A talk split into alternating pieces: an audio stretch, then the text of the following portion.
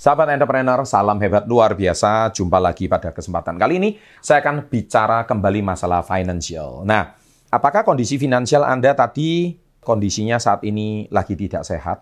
Nah, kalau tidak sehat, Anda harus check up finansial. Nah, salah satu check up finansialnya adalah detox keuangan. Nah, apa yang harus dilakukan? Jadi detox itu bukan cuma badan, tapi juga harus detox dalam kondisi keuangan Anda. Nah, di sini saya akan berikan step-stepnya bagaimana cara mencek up finansial Anda, uh, detox keuangan setelah yang satu ini.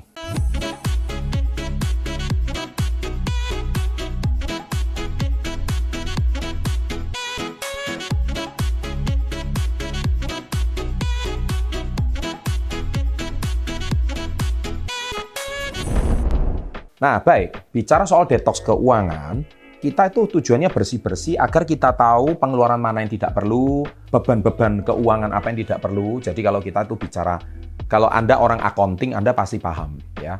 Jadi mungkin ada piutang yang tak terbayar, ada return net earning atau laba yang tertahan, ya, atau itu bahasa-bahasa keuangan semua.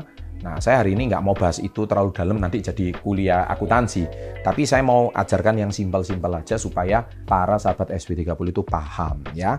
Nah, di sini saya juga ambil dari buku Success Before 30 ya, supaya Anda di sini bisa belajar dan ini caranya sangat sederhana karena ini di sini saya juga bicara karena uh, omong kosong Anda itu mau bicara soal keuangan yang sehat kalau Anda belum punya mindset yang sehat. Makanya saya sangat sarankan Anda baca buku ini terutama bab 1 masalah mindset yang itu dibahas di halaman 1 sampai halaman 57. Nah, di situ saya akan bahas, jangan dulu membahas masalah keuangan, jangan dulu bicara soal keuangan kalau Anda belum punya mindsetnya. Jadi mindsetnya itu yang harus dibangun dengan sangat betul baru Anda itu bisa mengelola keuangan. Percuma kalau Anda secara mindset hari ini ingin sukses, ingin berhasil, ingin punya laporan keuangan yang rapi, tapi Anda punya mindset masih belum dibenahi ya. Nah, jadi uh, yang pertama adalah Anda harus buat daftar rencana pengeluaran untuk tiga bulan ke depan. Itu itu nomor satu, step nomor satu. Jadi supaya uh, keuangan Anda ramping. Jadi sama seperti kayak mobil, lama nggak di tune up lama nggak di tune up sehingga kondisi finansial Anda tiga bulan ke depan itu nggak morat-marit gitu loh.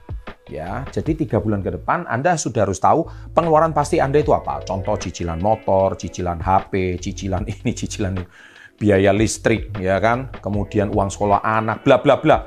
Ya, intinya Anda harus tahu tiga bulan ke depan fixed cost Anda itu apa gitu. Ya, jadi itu Anda harus paham. Nah, itu yang pertama. Yang kedua, catat sumber penghasilan gaji Anda jadi selain gaji, ada kerjaan sampingan nggak, ada hasil investasi nggak yang akan Anda terima tiga bulan ke depan.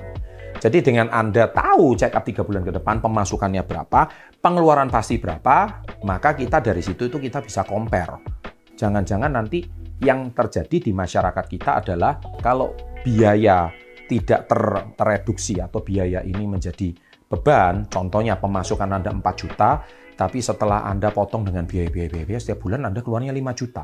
Sehingga Anda masih minus 1 juta. Nah, minus 1 juta ini kadang-kadang orang-orang masyarakat kita akhirnya tergoda untuk melakukan pinjaman online. Nah, kalau kena pinjol akhirnya bunga-bunga, bunga berbunga, akhirnya biaya kita semakin lama semakin membengkak. Nah, itu karena Anda tidak pernah buat perencanaan keuangan tiga bulan ke depan. Nah, yang kedua, catat sumber gaji. Yang ketiga, cek tagihan hutang yang kalian gunakan. Ini penting, tagihan setiap tanggal berapa, hutang tanggal berapa. Yang keempat, cek saldo tabungan dana darurat yang masih tersisa. Atau Anda nggak punya dana darurat sama sekali. Orang Indonesia kalau bicara dana darurat hampir nggak punya deh.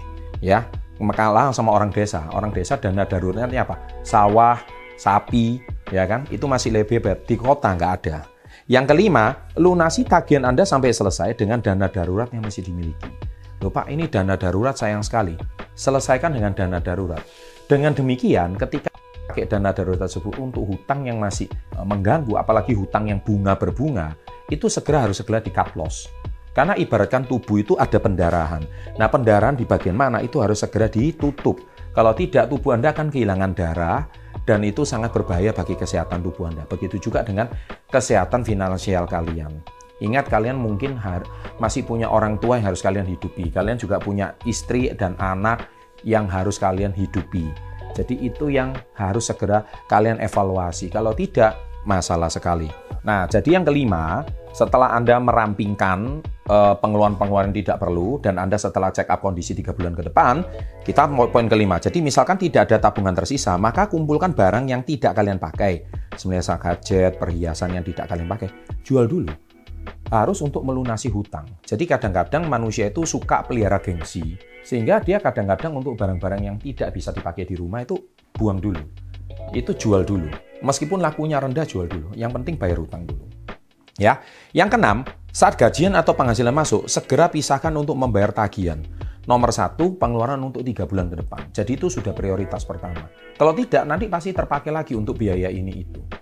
Kalau kalian tidak lakukan ini segera, keuangan kalian pasti jadi masalah. Dan yang poin yang terakhir yang ketujuh adalah hilangkan niat untuk memutarkan sisa uang dengan investasi high risk demi kaya secara instan. Nah ini yang paling banyak di uh, lakukan oleh generasi milenial sekarang, ya sudah uangnya sisa dikit, bingung uang ini mau diapain. Akhirnya ikut main kripto.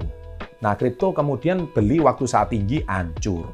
Nah itu Anda sudah beli dengan uang yang bukan uang dingin, itu padahal jelas-jelas uang yang harus dilakukan untuk bayar hutang, tapi kalian putarkan ke sebuah investasi instrumen yang very high risk. Dan itu saya sangat tidak rekomendasikan. Dan ternyata nilainya drop, jadi nyangkut, akhirnya hutangnya semakin membengkak, stres, dan celakanya yang saya paling sedih adalah melihat anak-anak muda sekarang main kripto dengan pakai pinjol, matilah. Ini kan sudah saya tegaskan di buku ini. Jadi nomor satu, before you success, mindsetnya dulu dibenerin. Nah, mindset ini berarti ada mindset unsur gamblingnya, unsur judinya. Jadi sesuatu yang belum pasti, pakai pinjol, wih kripto naik, Nah, ini bahaya. So, hati-hati.